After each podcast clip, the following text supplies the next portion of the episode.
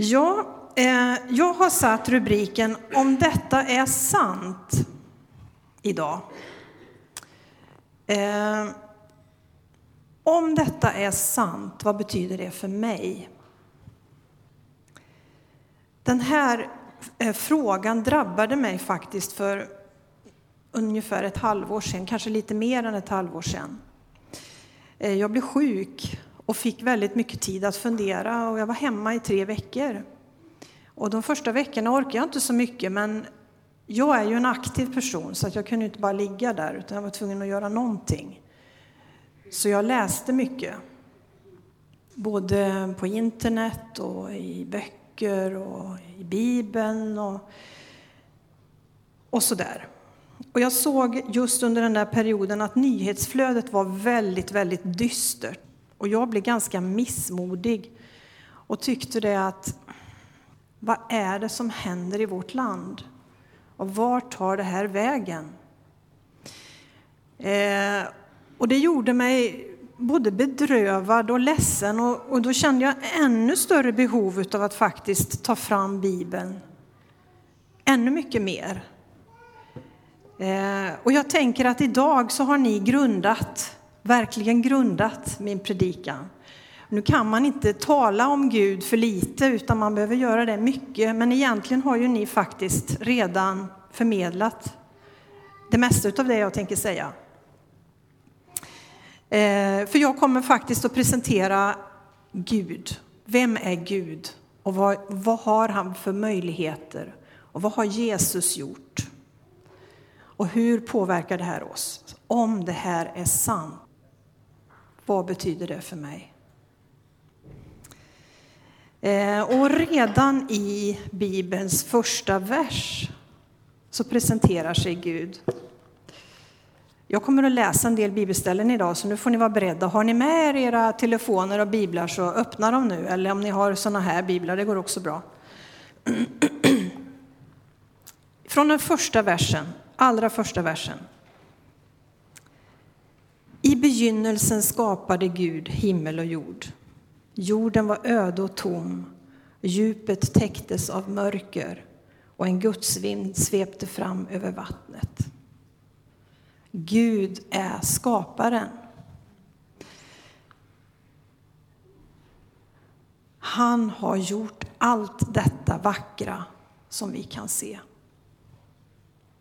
Och på en mängd olika ställen i Bibeln, inte minst i Saltaren, där flera av sångerna som vi har sjungit idag har hämtat sin text, så står det om Gud och hans storhet. Eh, men jag har hittat också en vers i Apostlagärningarna 17 och 24 där det står så här. Apostlagärningarna 17 och 24. Gud som har skapat världen och allt den rymmer, han som är Herre över himmel och jord, bor inte i tempel som är byggda av människohand. Alltså Gud, han har skapat himmel och jord och han är Herre över allt detta. Kring jul och kring advent så läser vi väldigt ofta ifrån Jesaja 9. Och jag tror att när jag läser de här verserna så känner ni igen dem. Jesaja 9 och vers 6. Där det står, ty ett barn har fötts, en son är oss given. Väldet är lagt på hans axlar och detta är hans namn. Allvis härskare, gudomlig hjälte, evig fader, fridsfurste. Väldet ska bli stort, fred, fredens välsignelser utan gräns för Davids tron och hans rike. Eh, de här fyra namnen som jag har läst, det, har lite, det finns lite olika eh, versioner av det här. Jag läste nu en version. Eh, jag tycker egentligen bättre om det här som jag har skrivit här. Underbar rådgivare. Vem behöver inte råd då och då? Ja, jag är den första att ta råd. Jag tycker att det är en styrka att kunna få, få fråga någon som är kanske äldre, som är visare, som har varit med om mer, eller i en specifik fråga få hjälp. Eh, och Gud, han är vår rådgivare i alla lägen. Vi har fått en handbok för allt. Han är också mäktig Gud. Och jag tänker att i en, en värld som vi lever i idag, när det är så mycket som gungar och man vet inte från en dag till en annan vad är det som ska hända. Eh, och det som vi kanske i Sverige upplevde att det händer aldrig oss, det har kommit väldigt nära. Och vi hör om hot och vi hör om eh, annat som skrämmer oss. Att då veta att vi har en mäktig Gud som är en fast klippa, oavsett hur det ser ut runt omkring oss, kanske i det personliga livet eller i ett större perspektiv.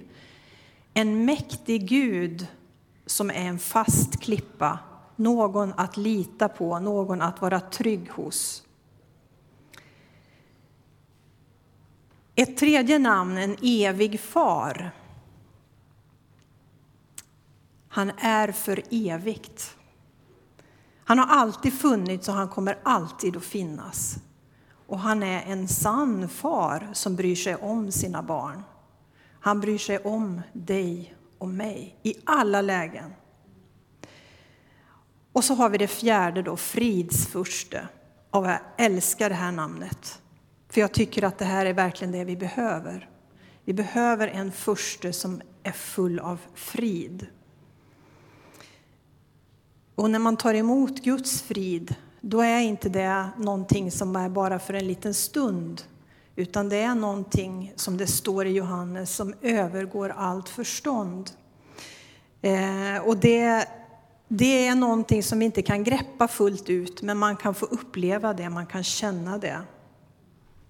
Nu har jag speglat lite grann utav namnen utav Gud, och lite grann vad Gamla Testamentet tar upp om Gud och vem Gud är. Vi har lyssnat, vi har sjungit om vem Gud är. Men jag tänkte att jag skulle också ta fram några exempel ifrån den tid när Jesus gick här på jorden. För mitt syfte idag med den här predikan är att peka på vem är Gud och vem är Jesus, vad kan han göra? Och om det är sant, vad får det för konsekvenser för mig? Eh, så vi läser ifrån Markus 10 och 46. Markus 10 och 46. De kom till Jeriko och när han tillsammans med lärjungarna och en stor folkhop lämnade stan satt där en blind tiggare, Bartimaios, son till Timaios. Då han fick höra att det var Jesus från Nasaret började han ropa Jesus, Davids son, förbarma dig över mig. Många sa åt honom att hålla tyst, men han ropade ännu högre Davids son, förbarma dig över mig. Jesus stannade och sa, kalla hit honom. De gjorde det och sa till den blinde, var lugn, stig upp, han kallar på dig. Då kastade han av sig manteln och sprang upp och kom fram till Jesus. Och Jesus frågade honom, vad vill du att jag ska göra för dig?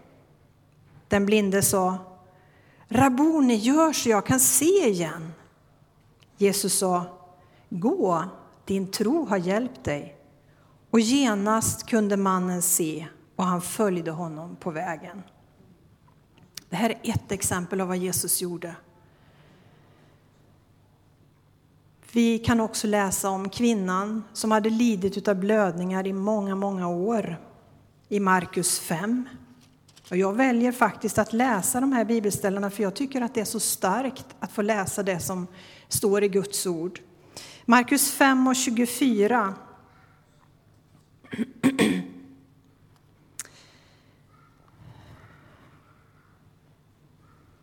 Mycket folk följde efter och trängde sig in på honom. Där fanns en kvinna som hade lidit av blödningar i tolv år. Hon hade varit hos många läkare och fått utstå mycket.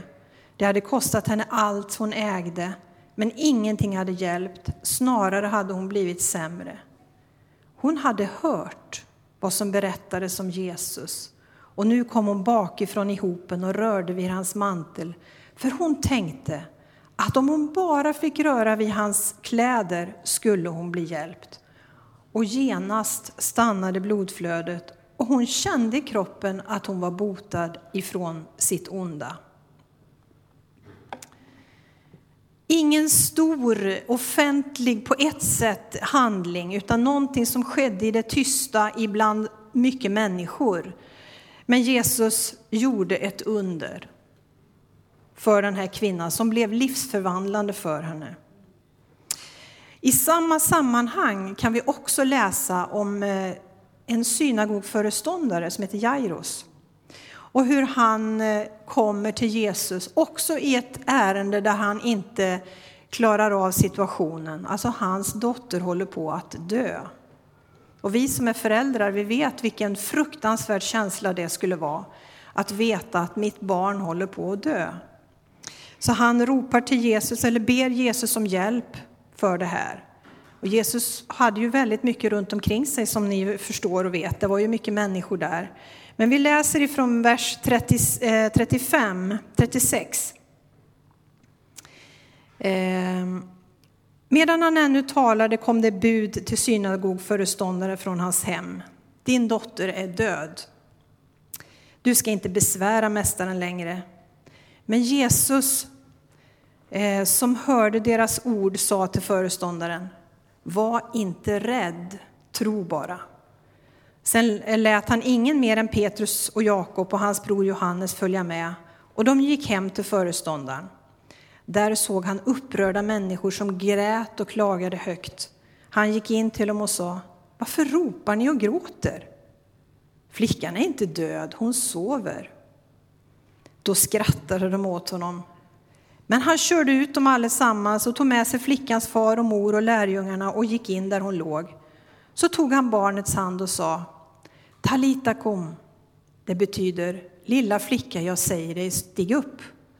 Och genast reste sig flickan och gick omkring. Hon var tolv år gammal. De blev utom sig av förvåning. Men han förbjöd dem att låta någon veta vad som hade hänt.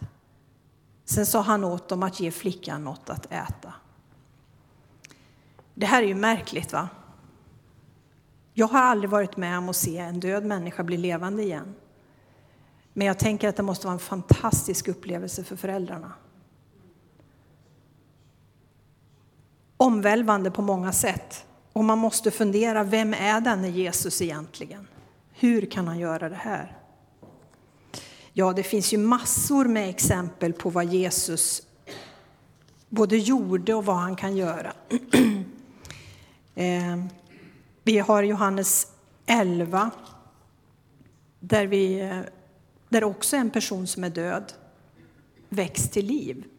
Och Jesus drar ut på tiden. Lite märkligt kan man tycka. Eh, hans vän Lazarus blir sjuk och de skickar bud efter Jesus. Eh, och det är goda vänner till Jesus detta, så han har varit många gånger i det här hemmet. Men han skyndar sig inte dit, Jesus. Han vet ju vad som är på gång naturligtvis. Eh, och vi ska läsa från vers 38.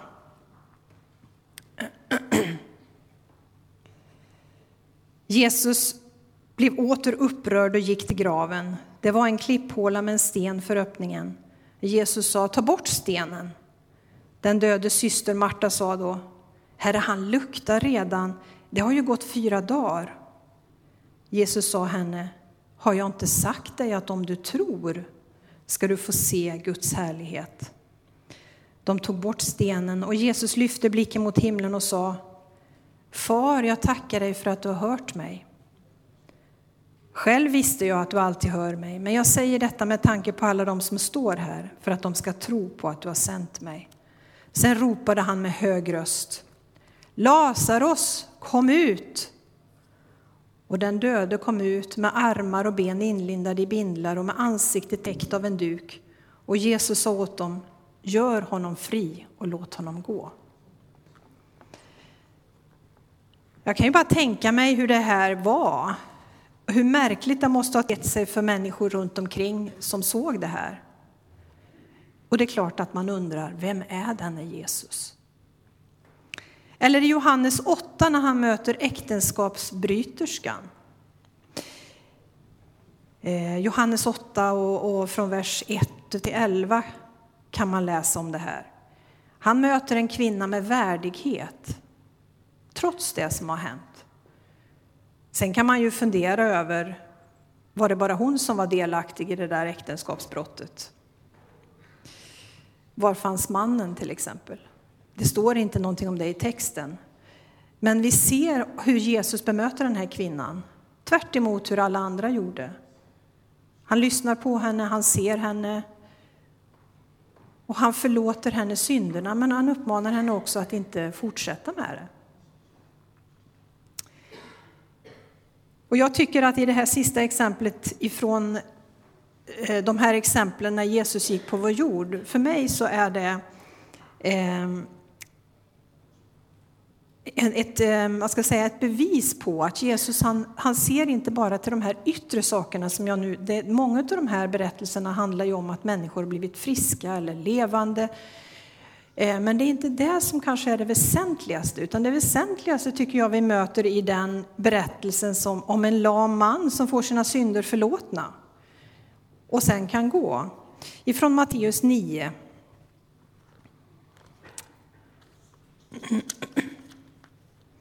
Matteus 9 och 1-8. Han steg i en båt och for över sjön till stan där han bodde. Där kom de till honom med en lam som låg på en bår. När Jesus såg deras tro sa han till den lame, var inte orolig mitt barn, dina synder är förlåtna. Några skriftlärda sa då för sig själva, han hädar ju. Jesus såg vad de tänkte och sa, varför bär ni onda tankar i era hjärtan? Vilket är lättast att säga? Dina synder är förlåtna eller att säga stig upp och gå? Men för att ni ska veta att Människosonen har makt här på jorden att förlåta synder, och nu talade han till den lame, stig upp, ta din bår och gå hem. Och mannen steg upp och gick hem. När folket såg det greps de av fruktan och prisade Gud, som hade gett sån makt åt människorna. Jag tycker att den här, den här berättelsen, den är verkligen en sån där som sätter fingret exakt på hur Jesus gör. Jesus han ser till hela människan, inte bara det yttre. Och det viktigaste det är att han ser till det inre. Han förlåter oss våra synder. Det är klart att det var revolutionerande för Bartolomaios att få sin syn tillbaka. Men att också få sina synder förlåtna var ju långt, långt mycket större än den fysiska synen. För det har ju eh, bäring ända in i evigheten. Och det är någonting som förändrar livet inifrån och ut. Okej, låt oss nu summera lite. Vad gjorde Jesus? Han helade både yttre och inre sjukdom. Han uppväckte döda och han förlät synder. Och vad sa han till oss om det här? Var det här bara för den tiden? Nej, jag vet ju att inte det var så. Och därför så är jag, tycker jag att det är så fantastiskt att få läsa de här verserna ifrån Markus 16. Ehm, där han säger så här. Gå ut överallt i världen och förkunna evangeliet för hela skapelsen. Den som tror och blir döpt ska räddas, men den som inte tror ska bli dömd. Dessa tecken ska följa dem som tror.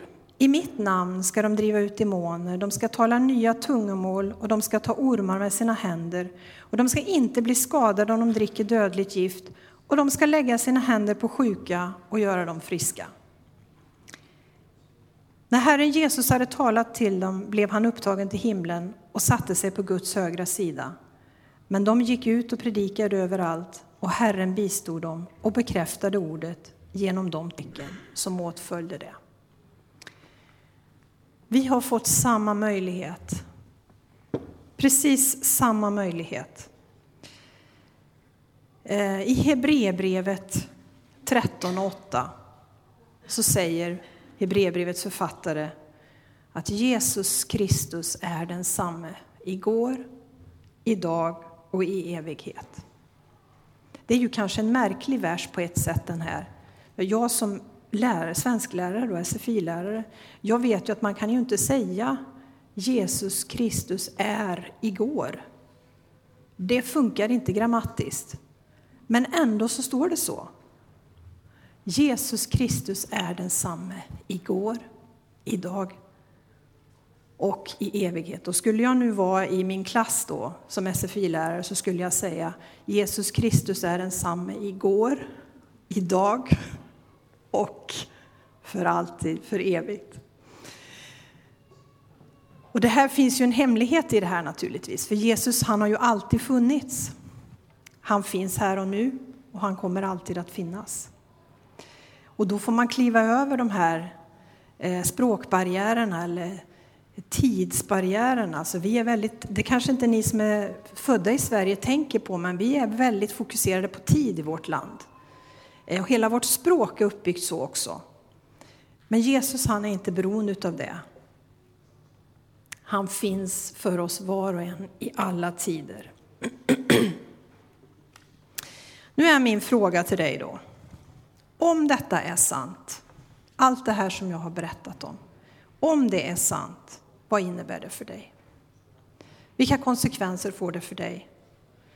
Om Gud, Fadern, Gud, Sonen, Gud, Anden helar, upprättar, ger råd, är en evig far, en fridsförste, skaparen av universum och har all makt i sina händer, vad innebär det för dig? Om detta är sant och om du tror på det, vad får det för konsekvenser i ditt liv?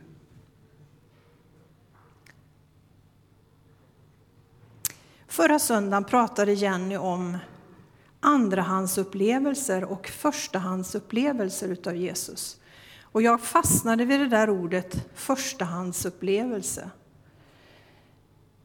Eh, och jag undrar, har du en förstahandsupplevelse utav Jesus? Alltså inte någonting som någon annan bara har berättat om honom, utan som du själv har mött honom. Min erfarenhet av Gud och Jesus och den helige Ande, det är att han är med i både medgång och motgång. Det har hunnit bli nästan 20 år sedan nu, det är lite konstigt att tänka, men för knappt 20 år sedan så fick jag eh, diagnosen utmattningsdepression. Och jag minns att när jag kom hem ifrån det där läkarsamtalet så var det som att ni tänker om ni, om ni har en stor säck potatis som man sätter ner den, så den liksom bara ramlar ihop sådär. Va? Ungefär så kändes det. Jag bara ramlade ihop i soffan hemma. Och så smakade jag på det där ordet utmattningsdepression. Det kändes som en dom över mig på något sätt. Och jag var faktiskt totalt utmattad. Både fysiskt, psykiskt, själsligt, andligt. Ehm, och jag orkade inte formulera några vackra böner under den där tiden. Och jag undrade till och med om det var värt att leva. Det enda som på något sätt kunde bära mig i det här, det var en liten vers ifrån Saltaren. Bara hos dig har min själ sin ro. Och de där orden de fick jag liksom leva på, för jag orkar inte öppna min bibel. Jag orkade inte formulera några böner. Jag hade full sjå att få dagen att fungera. Jag hade fyra små barn med den tiden. Men det här bar igenom tills jag igen började få kraft att orka ta till mig utav Gudsordet. Och för två och ett halvt år sedan, vet ni som känner mig lite mer, att då jobbade jag här i kyrkan på expeditionen med administration. Men när jag kom tillbaka efter semestern så blev jag ståendes precis i dörröppningen in till kontoret. Och så sa jag högt för mig själv. Men ska jag, fort, ska jag vara kvar här för resten av mitt liv framåt? Nej, det ska jag inte. sa jag högt. Det var ingen annan där, jag var själv då när jag kom på morgonen. Och där började en process hos mig som sen resulterade i att jag bestämde mig för att nej, jag ska sluta. Jag ska säga upp mig. Och den dagen då jag hade meddelat det till eh, församlingsledningen, eh, samma dag, ovetande om det, så kommer en församlingsmedlem till mig, fram till mig och berättar att jag har bett för dig under flera veckor och under flera veckors tid så har jag tänkt att jag skulle berätta det här för dig, men har, det har inte blivit tillfälle, men jag känner att idag måste jag berätta det. Och då så sa han så här att han hade fått en bild, eller en syn, där han hade sett en blomstrande väg framför mig. Och jag vandrade på den vägen. Han visste inte hur rätt det var, för jag hade också upplevt starkt att Gud hade sagt till mig att jag skulle avsluta min tjänst här därför att jag skulle göra någonting annat. Nu har det gått ungefär två år sedan jag slutade här. Och det har varit två otroligt innehållsrika år där jag har fått jobba med människor från andra länder precis så som jag önskade. Det blev inte som jag hade tänkt från början, eller jag visste inte egentligen vad jag skulle förvänta mig. Men möjligheterna gavs mig att börja jobba som SFI-lärare. Eh, och jag ser verkligen för varje dag i min vardagssituation hur Gud är med. Och jag kan inte egentligen berätta allt det för er nu. Dels har vi inte tid med det och dels så skulle det inte vara okej okay mot de människorna som jag har nära mig. Men det är verkligen så att Gud har varit med i både motgång och i medgång. Eh, och då tänker jag så här att en förstahandsupplevelse av Jesus, den behöver alla människor ha. Och den, en förstahandsupplevelse, det kan man kanske ha ifrån lång tid tillbaka. Jag har många sådana förstahandsupplevelser från det jag var ganska liten. Men ju äldre jag blir, ju mer konstaterar jag att man kan inte leva på den förstahandsupplevelsen som man hade för 30, 40, 50 år sedan. Utan man måste hela tiden få nya förstahandsupplevelser utav Jesus.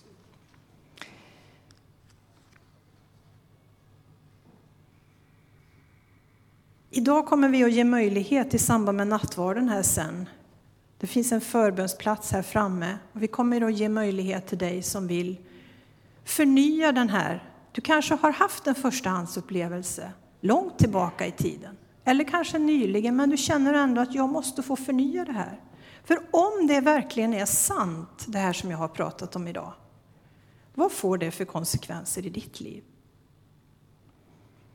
Och kanske är du sjuk och behöver få uppleva helande utav Gud. Vi har ju läst idag om vad Jesus gjorde.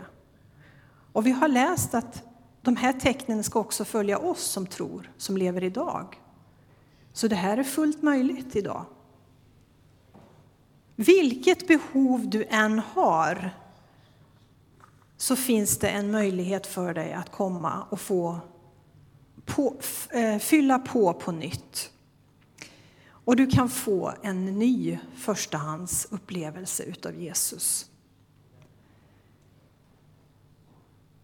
Det här är det som har legat på mitt hjärta under en lång, lång tid. Eh, och jag sa i inledningen när jag berättade om vårt språkcafé att när man kommer hit till kyrkan under veckan så är det alltid någon aktivitet på gång någonstans, nästan varje dag. på tisdagarna brukar vi träffas här och be. Eh, och bönen är en huvudnyckel, skulle jag säga. Det finns många nycklar till att nå in till människor, men bönen är en huvudnyckel för mig, men också för dig, för att hitta den här förstahandsupplevelsen utav Jesus.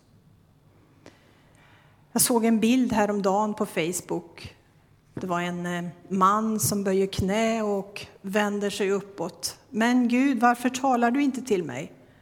Och sen nästa bild så ser man en, en hand som sträcker ut. Men jag har ju gett dig mitt ord. Jag tycker att det är också väldigt bra. Alltså huvudnyckeln är bönen. Och här har vi vägledningen. Det är bara för oss att ta emot. Amen.